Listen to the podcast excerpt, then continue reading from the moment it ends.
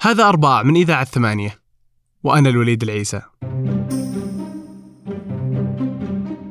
في رأس سنة 2019 أعلنت الصين عن مرض كورونا المستجد وبعد شهر من ذلك أعلنت منظمة الصحة العالمية حالة طوارئ ومنذ ذلك الحين تغير الكثير على جميع الأصعدة. التعليم توقف وأغلقت المحلات والمطاعم وتغيرت الحالة الاجتماعية وخسر كثير من الناس وظائفهم. وفرض الحجر الصحي الإلزامي في كثير من الدول وفي الوقت نفسه ازدهر قطاع الترفيه والتوصيل وحتى شركات وسائل التواصل الاجتماعي ولكن كيف ستكون حياتنا بعد انتهاء الأزمة؟ هل بالضرورة أن يتغير كل شيء؟ أو من الممكن أن لا يتغير أي شيء ونعود لحياتنا الطبيعية بشكل مباشر وسريع؟ مرت البشرية بكثير من الأزمات من الحروب والأوبئة والانهيارات الاقتصادية والكل أزمة تغيير وأثر سواء كانت على الجانب الاجتماعي أو الثقافي. اليوم بنتخيل عالم ما بعد كورونا مع الدكتور أشرف فقيه. بعد ما كتب مقالة على ثمانية. ما بعد كورونا. ملامح الزمن الجديد. من منظومة الحضارة وحتى مستقبل الحريات والتعليم. والطبقية الناتجة من هذا الوباء. آه، إحنا نتكلم نتكلم عن كيف راح نتعايش. مو مع الخيارات الجديدة بل آه، مع المتاحات الجديدة. يعني ما ما عندك حريه ما لم تعد عندك حرية الاختيار. لكن صار عندك آه، انكماش في الخيارات المطروحة أو البدائل أو المنتجات أو الفرص. تفتح بابك في الصباح. إذا مداك إنك تفتح بابك في الصباح عشان تطلع كان يمديك تروح خمس مطاعم الآن صار واحد. فقبل كورونا قبل الأزمة هذه كان الأصل في الأشياء الإباحة. يعني تبغى تقابل أحد أو عجبك منتج جديد بسيطه أركب سيارتك اطلب أوبر آه، ادخل أمازون برايم. آه، روح Booking واحجز تذكرة إذا فاضي عندك وقت يعني اركب طيارة وسافر الله يوفقك. المهم إنك آه، تدفع ويصير اللي, اللي تبغاه يصير عندك. هذا كان ال norm السائد. الآن صار ممكن تسوي أي شيء من هذه الأشياء. لا تتحرك سيارة وتطلب اوبر وحتى لو عندك فلوس مو يعني ما في مجالات مجال إنك تدفعها. فهذا الوضع الحالي يتجاوز بكثير آه، أزمتنا مع قلقنا الداخلي آه، اللي سببه آه، تحجيم الحريات الشخصية. بالرغم من إنه هذا التحجيم والتحجير في فضاء ممارسة الحريات الشخصية تحجيم هذا الفضاء في حد ذاته مخيف وله أبعاد نفسية ووجودية كبيرة جدا على على على الجيل. يعني مخيف بالنسبة لي مخيف للناس اللي راح منهم جزء من هذه الحرية ولا مخيف لكل البشرية لمنظومة طريقة عملها ولا لمين؟ ما حقول إنه مخيف لكل البشرية حقيقة. أو الأزمة أزمة كورونا هذه ترى أزمة طبقات مرفهة. خليني أوضح نفسي أكثر حتى لا يساء فهمي. الكل قاعد يعاني والمرض هذا يهدد حياة الجميع بلا استثناء لكن لازم ما ننسى كمان إنه إحنا لما نتكلم لما نتكلم على تأثير كورونا تكلمنا عن الحريات الشخصية هذا يصب مباشرة في الدورة الاقتصادية. فأنت ما أنت حر إنك ما تقدر أنا إيش قلت؟ ما تقدر تطلع ما تقدر تشتري ما تقدر تقابل أحد. وطبعا ما تقدر تلاقي وظيفة بسهولة صرت يمكن تكون فقدت وظيفتك سلامتك في السامعين أو تكون ما أنت قادر تكمل سنتك الأخيرة في الجامعة. بس هذا كله في النهاية الوضعية هذه كلها مدفوعة بدافع اقتصادي، الحظر اللي إحنا عايشين فيه مدفوع بدافع حماية الأرواح. لأنه في النهاية يريد أن يحمي منظومة آه، عالمية اقتصادية كبرى. والعالم آه، العالم الأول بالذات آه، خلال العقد أو العقدين الماضيين تعود على مرحلة رفاه غير مسبوقة. وهذا هذه الطفرة هذا الرفاه اللي نشأ عنها هذه القابلية الغير مسبوقة السهولة الغير مسبوقة إنك تشتري اللي تبغاه وتتواصل مع اللي تبغاه مهدد بشدة. حلو؟ وهو هذا اللي يخوفنا كأفراد بس المؤسسات آه، خوفها مختلف لأنه مبني هذا الخوف على آه، إنه الفشل هذا أو الخوف الفردي يؤدي إلى تبعات غير محمودة على السلم العام. طيب فين الكلام اللي أنا قلته من شوية إنه كورونا للمجتمعات المرفهة؟ المنظومة اللي أنا شرحتها من شوية هذه إنك تدخل امازون برايم ونتكلم مع بعض على سكايب ترى هذه ما هي متاحة لكل البشر كمان لا ننسى هذا الشيء. في رواية مشهورة مرة لهربرت جورج ويلز اسمها آلة الزمن ألفها قبل 200 سنة آه، أو أكثر. آه، تخيل فيها بطل يخترع آلة زمن يسافر للندن سنة 800 ألف بعد الميلاد. أوكي. ولقى أنه البشر تطوروا وتحوروا إلى نوعين في نوع مرفه بليد كذا اسمه الإيلو كائنات لطيفة زي الأطفال كذا. وفي كائنات أخرى تعيش تحت الأرض وتكره الشمس اسمها المورلوك. هذول هم الكادحين واللي يشتغلوا و... وزي المسوخ وكمان ياكلوا السلالة الأولى الإيلو. أحسن عالم ب Rick Morty كذا. أكيد إنه Rick Morty يعني اقتبسوا منه لأنه الرواية تعتبر كلاسيك بس المؤلف هربرت ويلز استند في التصور هذا الكاريكاتوري للفروق بين الطبقات اللي شافها في بريطانيا في أوائل القرن العشرين الطبقة الكادحة والطبقة البرجوازية إلى آخره. كورونا البعض يجادل وأنا منهم إنه وباء طبقي بامتياز. لأنه ينتشر أكثر بين الكادحين يا وليد وينتشر أكثر بين الناس إلا يعني حتى طبيعة الوقاية من الكورونا هو ينتشر بين الكل يهدد حياة الكل. بس حتى طبيعة الوقاية منه إذا تفكر فيها تكرس الفوارق الرفاهية بين الطبقات. لازم نتباعد اجتماعيا صح؟ حتى في البيوت. أوكي. مين اللي قال إنه 8 مليار إنسان كلهم على سطح الكرة الأرضية بيوتهم كبيرة كفاية؟ بما يكفي للتباعد الاجتماعي. أو عندهم بيوت أصلا عشان يلتزموا فيها ما يطلعوا للشارع. ترى في مليارات عايشين في الشوارع. مين اللي قال انه العمل عن بعد متاح ل 8 مليارات كلهم؟ اللي يمكن معظمهم ما عندهم لابتوبات ولا باند حتى. طيب اللي وظيفته كداد أو فران أو عربجي حنطور كيف حيشتغل عن بعد؟ آه، على كذا ليش يعني نشوف كثير من دول العالم الأول متقدم؟ لما تشوف مثلا أمريكا ودول أوروبا اللي المفترض إنهم دول يعني مرفهة ليش أعداد كورونا عندهم جدا مرتفع مع أن المفترض أنهم يقدرون يطبقون التباعد الاجتماعي المفترض أنهم عندهم ال ال ال الثقافة الصحية الكافية إنه مثلا يلبس كمامات ويبعد ويعرف وكذا. جدا ولا؟ جدا مرتفع مقارنة بمين؟ يعني أنا ما أدري إذا هم قاعدين يسوون تيست بالأماكن الثانية. بالضبط. أنت قاعد تقارن مع الدول الأفقر والأضعف صح؟ إيه.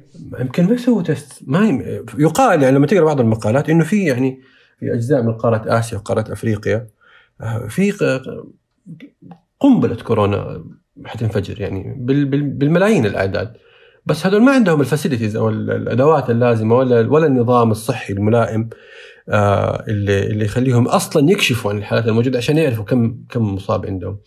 فهذه النقطة الأساسية م. ولا ننسى أنه الكورونا آه قاعد الآن يعني يعزز للانكفاء على الذات في المجتمعات كورونا قاعد يدمر دورة الاقتصاد الكلي بمعنى أمريكا ما تبغى تستورد من الصين. خلاص قررت إنه منتجات الصين كلها ملوثة أوكي هم كذا يزعموا وتضغط على الشركات اللي عندها زي انتل وآبل وغيرها إنه لا تروحوا تفتحوا مصانع في الصين ولا تعينوا أو تستفيدوا من العمالة الرخيصة اللي في الدول الأخرى خارج أمريكا.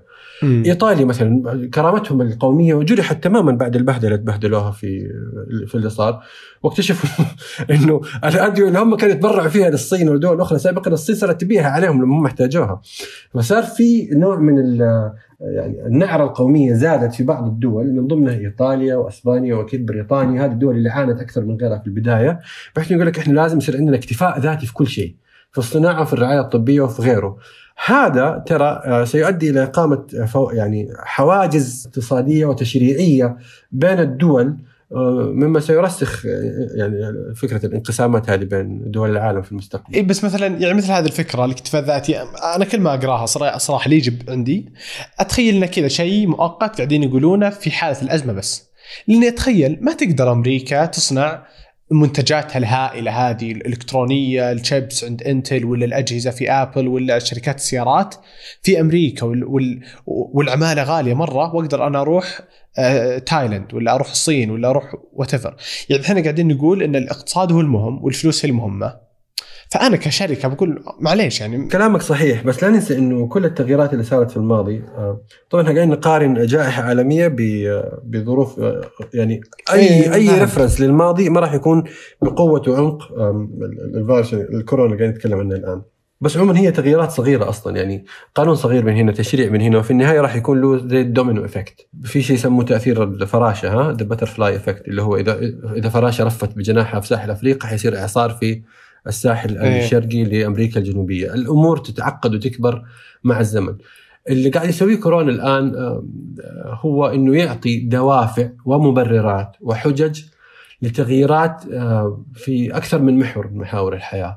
في التوظيف، في الرياضة، اليوم بدأ الدوري الألماني رجع 1000 مبروك، ما في جمهور، مو بس يعني كيف يجيبوا فلوس؟ قالوا إدارة بروس دورتموند كلموا جماهيرهم قالوا إذا تبغى أدفع أظن ما أدري 10 ما أدري 11 يورو ونحط نسوي لك كذا صورتك نطبعها على ورق مقوى كبيرة آه، ونحطها بالحجم الطبيعي على المقاعد فمباراة جمهور من ورق. فهذا مثال يعني مغرق في السطحية لكيف ممكن الأزمة تأثر على نمط من أنماط الحياة أو ممارسة من ممارسات الحياة الكثيرة مم. مو كل المصانع حقت آبل اللي برا أمريكا راح تتقفل بس حيصير في تشريعات آه، تعزز أكثر لدعم الاستثمار في أمريكا مو حبا في العامل والموظف الأمريكي ولكن تقليصا للنفوذ آه، حق الدول الثانية اللي قاعدة تستفيد آه، من واقتصادها قاعد يتعزز بإنتاج منتجات أمريكية في أرضها. لما نتكلم على كيف حياتنا حتتاثر بعد الكورونا ترى؟ آه، مستحيل يعني نتجاهل السفر والسفر والسياحة هو السفر بدافع السياحة والعمل إلى آخره. سوق السفر واستفاد كثير من البنية التحتية الإلكترونية الموجودة Hotels.com و Booking و Airbnb فقاعد لنا 15 سنة الحين بنسافر ب click of mouse أبد ما يبغى لها شغلة جدا. بس هذه الحرية في التنقل ترى تعتبر هي الملوم الأول لهالانتشار الفاحش للفيروس بهالسرعه كبيرة جدا. ما حصل انه وباء يعني قبل كذا هذا طبيعي انه وباء انتشر بالسرعة الخرافية هذه. إلا الآن لأنه الناس بتسافر. أنا اليوم ممكن أكون في يعني خلال 48 ساعة ممكن أكون في ثلاث قارات مختلفة. لكن في النهاية سوق السفر حيدفع الثمن غالي آه، لأنه صار معقد جدا. أو يعني يراد له انه يصير معقد جدا إذا كنا نبغى نعيش هاجس الخوف هذا آه، مضاعف ونبغى.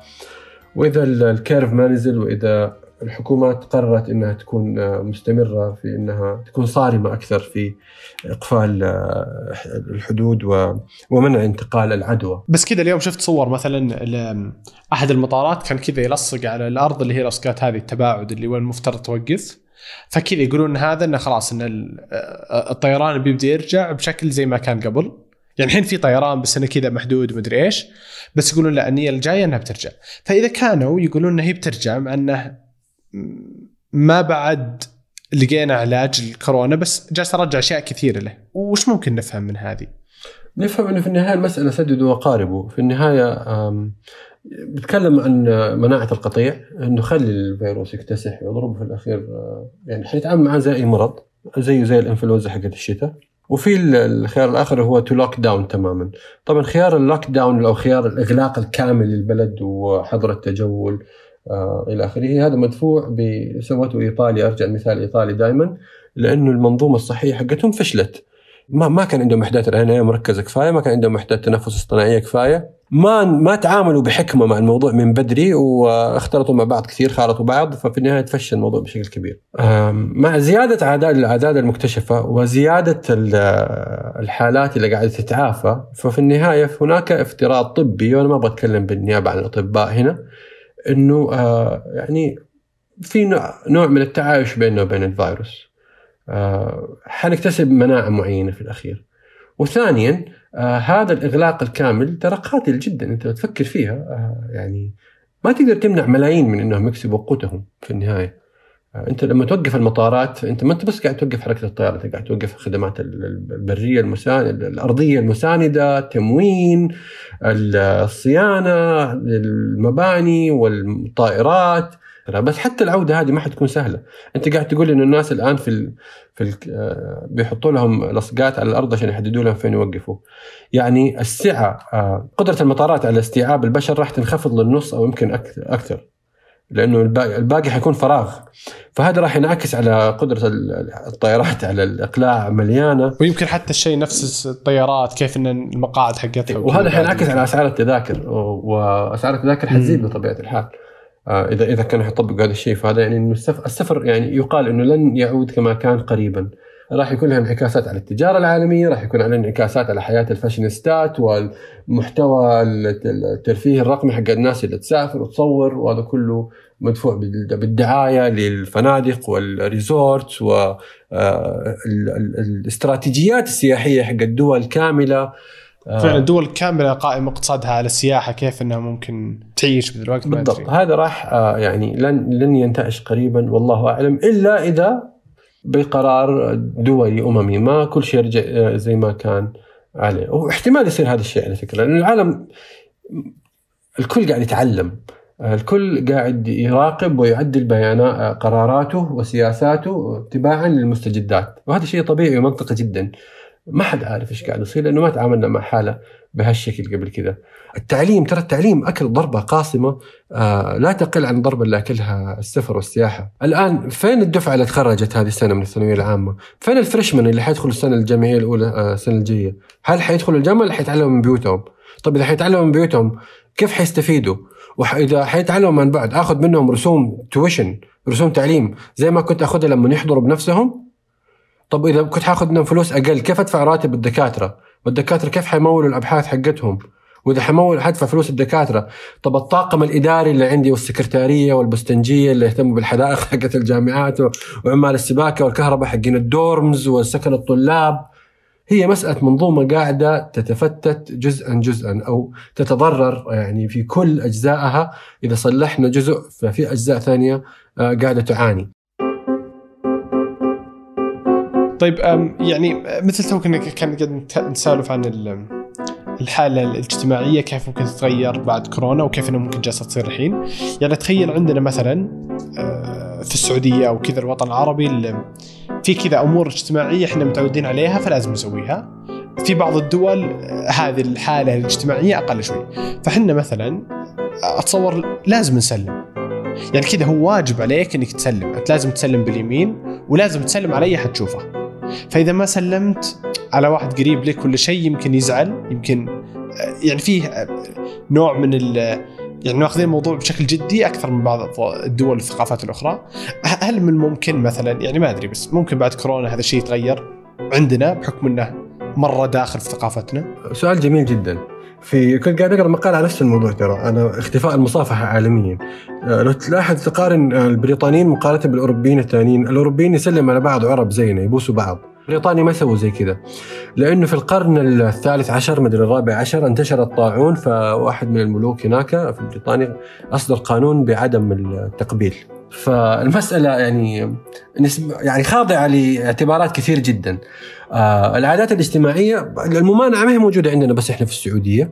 في ميامي مشهور في فلوريدا قفلوا الشواطئ الناس زعلت فتحوا الشواطئ الناس نزلت أنا عندي حق شرعي إني أروح الشاطئ. مثل المظاهرات الحرية اللي صارت أي بالضبط. في نيويورك إنه this is my constitutional right I am free هذا حق الدستوري وأنا حر إني أطلع وأروح زي ما أبغى. المثل يقول حرية يدك تنتهي حيث تبدأ حرية أنفي. ما يصير تطلع وفي الشارع ده أنت حتضرني أنا. تبغى تستمتع بحياتك استمتع بس إيش يضمني إنك ما راح تقرب مني أو تعديني؟ بس ترى حتى موروثنا الشعبي لو تفكر فيها يا وليد عبارات زي السلام نظر يعني أنا ما أتوقع إنه هذه طلعت من فراغ ترى. آه، ولا ننسى إنه يعني إحنا ما إحنا في معزل عن العالم إحنا كبشر وكحضارة المنطقة هذه في العالم وغيرها مرت بأوبئة وبلاوي ومصايب كانوا يسموها الشوطة. آه، في الحجاز ومصر لما يجي الوباء. ونتكلم عن سنة السخونة وسنة الرحمة والهواء الأصفر آه، والشدة المستنصرية أيام الفاطميين. فالأوبئة هذه كلها أكيد أنها أثرت بشكل أو بآخر على السلوكيات الاجتماعية للأقاليم اللي مرت فيها. أنا ما أستبعد إنه عبارات زي السلام نظر ولا سلام على طعام وحب الخشوم والتجنب الملامسة والمصافحة آه، لها علاقة بالظروف الوبائية وظروف الجائحات.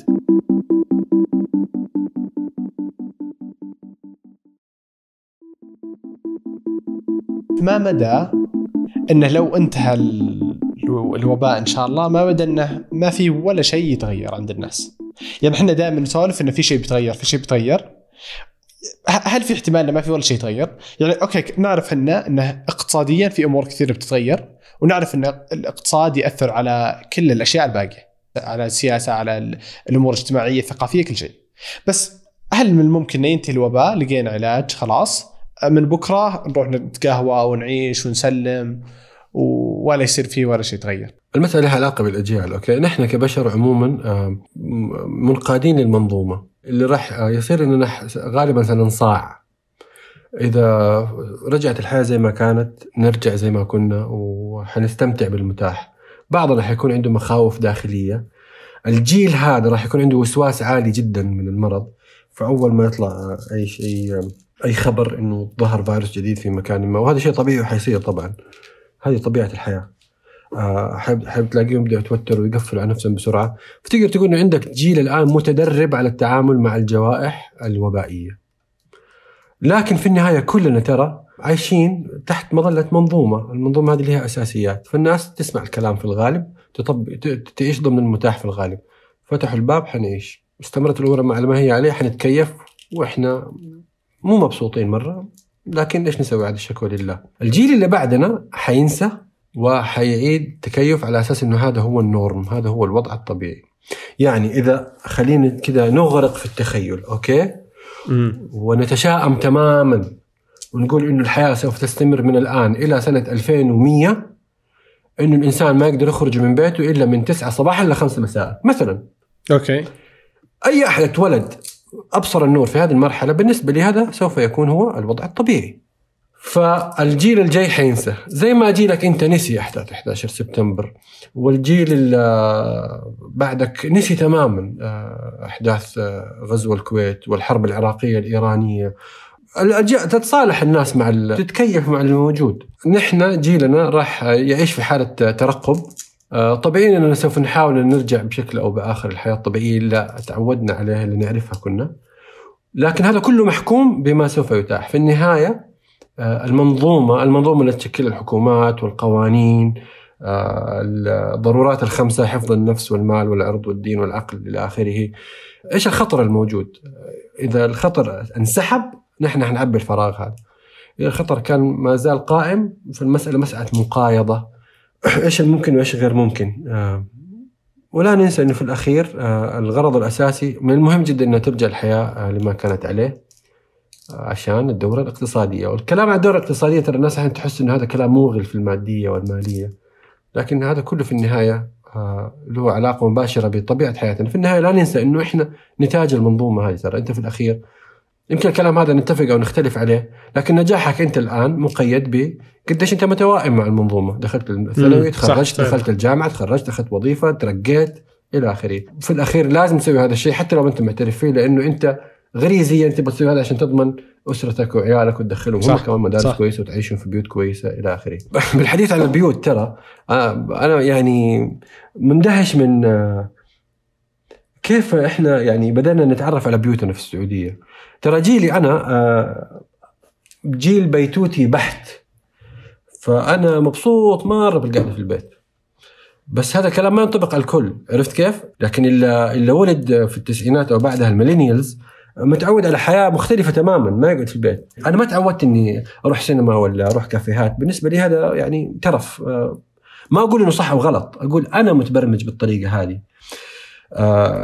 فال millennials الآن إذا يسمحوا لي الله يحفظهم إني أتكلم بلسانهم آه، بدأوا يكتشفوا يمكن متعة الحياة في البيوت. والآن يمكن واحدة من التأثيرات المباشرة على المجتمع السعودي تحديدا في ظل الجائحة إنه الناس صارت حتعيد تصميم بيوتها وتفكر لما تبني بيت إنه البيت هذا يكون يمكن تكون إيجابية ولا سلبية عموما لكن آه، ما أدري. إنه البيت هذا يكون هو عبارة عن your own bubble تستغني فيه عن العالم الخارجي تماما. يصير البيت هو المأوى هو المتنزه هو مقر العمل والرياضة والتعبد. نشوف الآن في رمضان كل ما شاء الله إن الناس يصير عندها مصليات في البيوت وحركات okay؟ آه، ما أنا ما أتخيل إنه في أحد والله مصمم بيته وقال والله هنا بنسوي مصلى.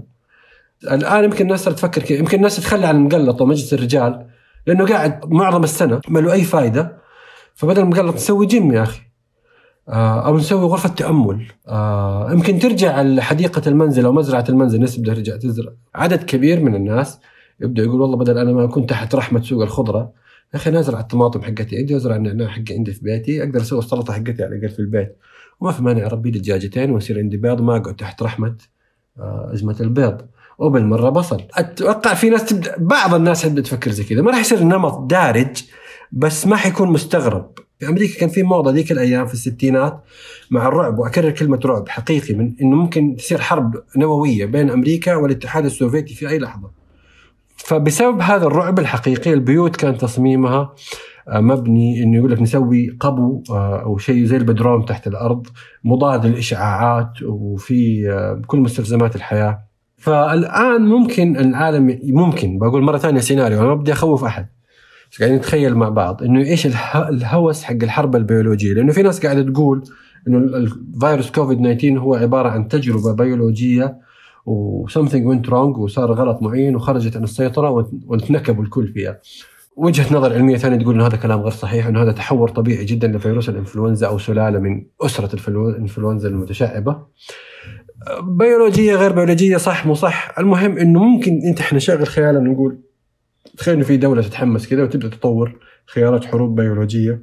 فإذا صار هذا هاجس شعبي وصار هاجس حكومي فأكيد حيصير في ممارسات لتفادي أو التقليل من من تأثير هذه الحرب البيولوجية. يمكن يصير في أسلحة بيولوجية مضادة لتعقيم الهواء فورا. الحروب البيولوجية ترى والاسلحه البيولوجية مبنية على إنه آه إنها تاثر في يعني إذا أنا أبغى أسوي سلاح بيولوجي فالمفروض إنه ياثر في عدوي ما ياثر في أنا صح؟ طب كيف تفرق بينك وبين عدوك؟ هل عن طريق خريطة ال DNA؟ انت لما تسوي تحليل السلاله حقك ها يقول لك والله إيه. انت فيك آه، كذا في المية آه، جنوب أوروبي وكذا في المية شرق أوسطي إلى آخره فهل أنا سأستهدف آه، هذول ولا هذول طيب ماذا لو أنا كان في نسبه معينه فسيناريو خلينا نقول لطيف okay يخوف بس إنه يعتبر تمرين ذهني آه، آه، لكيف ممكن كل هذه سيناريوهات ترى خيال علمي والحلو في الموضوع زي ما قلت لك من شوية إنه إحنا صايرين نعيش يعني صايرين نعيش Black Mirror في الواقع. أنا شفت من شوية تصوير لجيم فتح في دولة أوروبية معينة. الناس قاعدة تجري على ال treadmills وعلى أجهزة الجري هذه السير حق الجري وبين أيوه. كل جهاز وجهاز آه، حاجز كذا بلاستيكي شفاف. وفي تصور لمقاعد طيران بحيث إنه في الدرجة السياحية كل ثلاثة مقاعد المقعد اللي في النص فاضي اجباريا وبين المقاعد كلها حاجز بلاستيكي. مطاعم نفس الشيء كذا حواجز بلاستيكية وتدخل يدينك في الحاجز تاكل وبعدين تسحب يدك وتحطه في فمك. طبعا حياة كابوسية تماما غريب. ومرعبة. وأتوقع إنه هذه ما هي يعني هذه مجرد تصورات ما هي حقيقية. يمكن يمكن سواء مطعم ولا اثنين من باب ال- الماركتينج عشان يجيب الناس عنده. أنا رحت اليوم المول أقول لك بالكمام والجلافز حاسس وضعي غير مريح وغير طبيعي اطلاقا. آه الله يعطيك العافية دكتور أشرف. شكرا لك يعطيكم انت ألف عافية ونقول لكم آه، كل عام وأنتم بخير. يلا ونتمنى لكم عيد سعيد. آه، عموما إن شاء الله ال- الفرحه إن شاء الله. والعيد في القلب والعيد هذا راح يكون مختلف. آه، راح يكون ذكرى وإن شاء الله إنها تكون ذكرى سعيدة. في يوم من الأيام كذا نجتمع نقول اوه تذكروا 2020 كل عام وأنتم بخير. استمتعوا بالعيد. مثل ما قال الدكتور إن شاء الله أنها بتكون ذكرى. موعدنا بعد العيد. كل عام وأنتم بخير. كل عام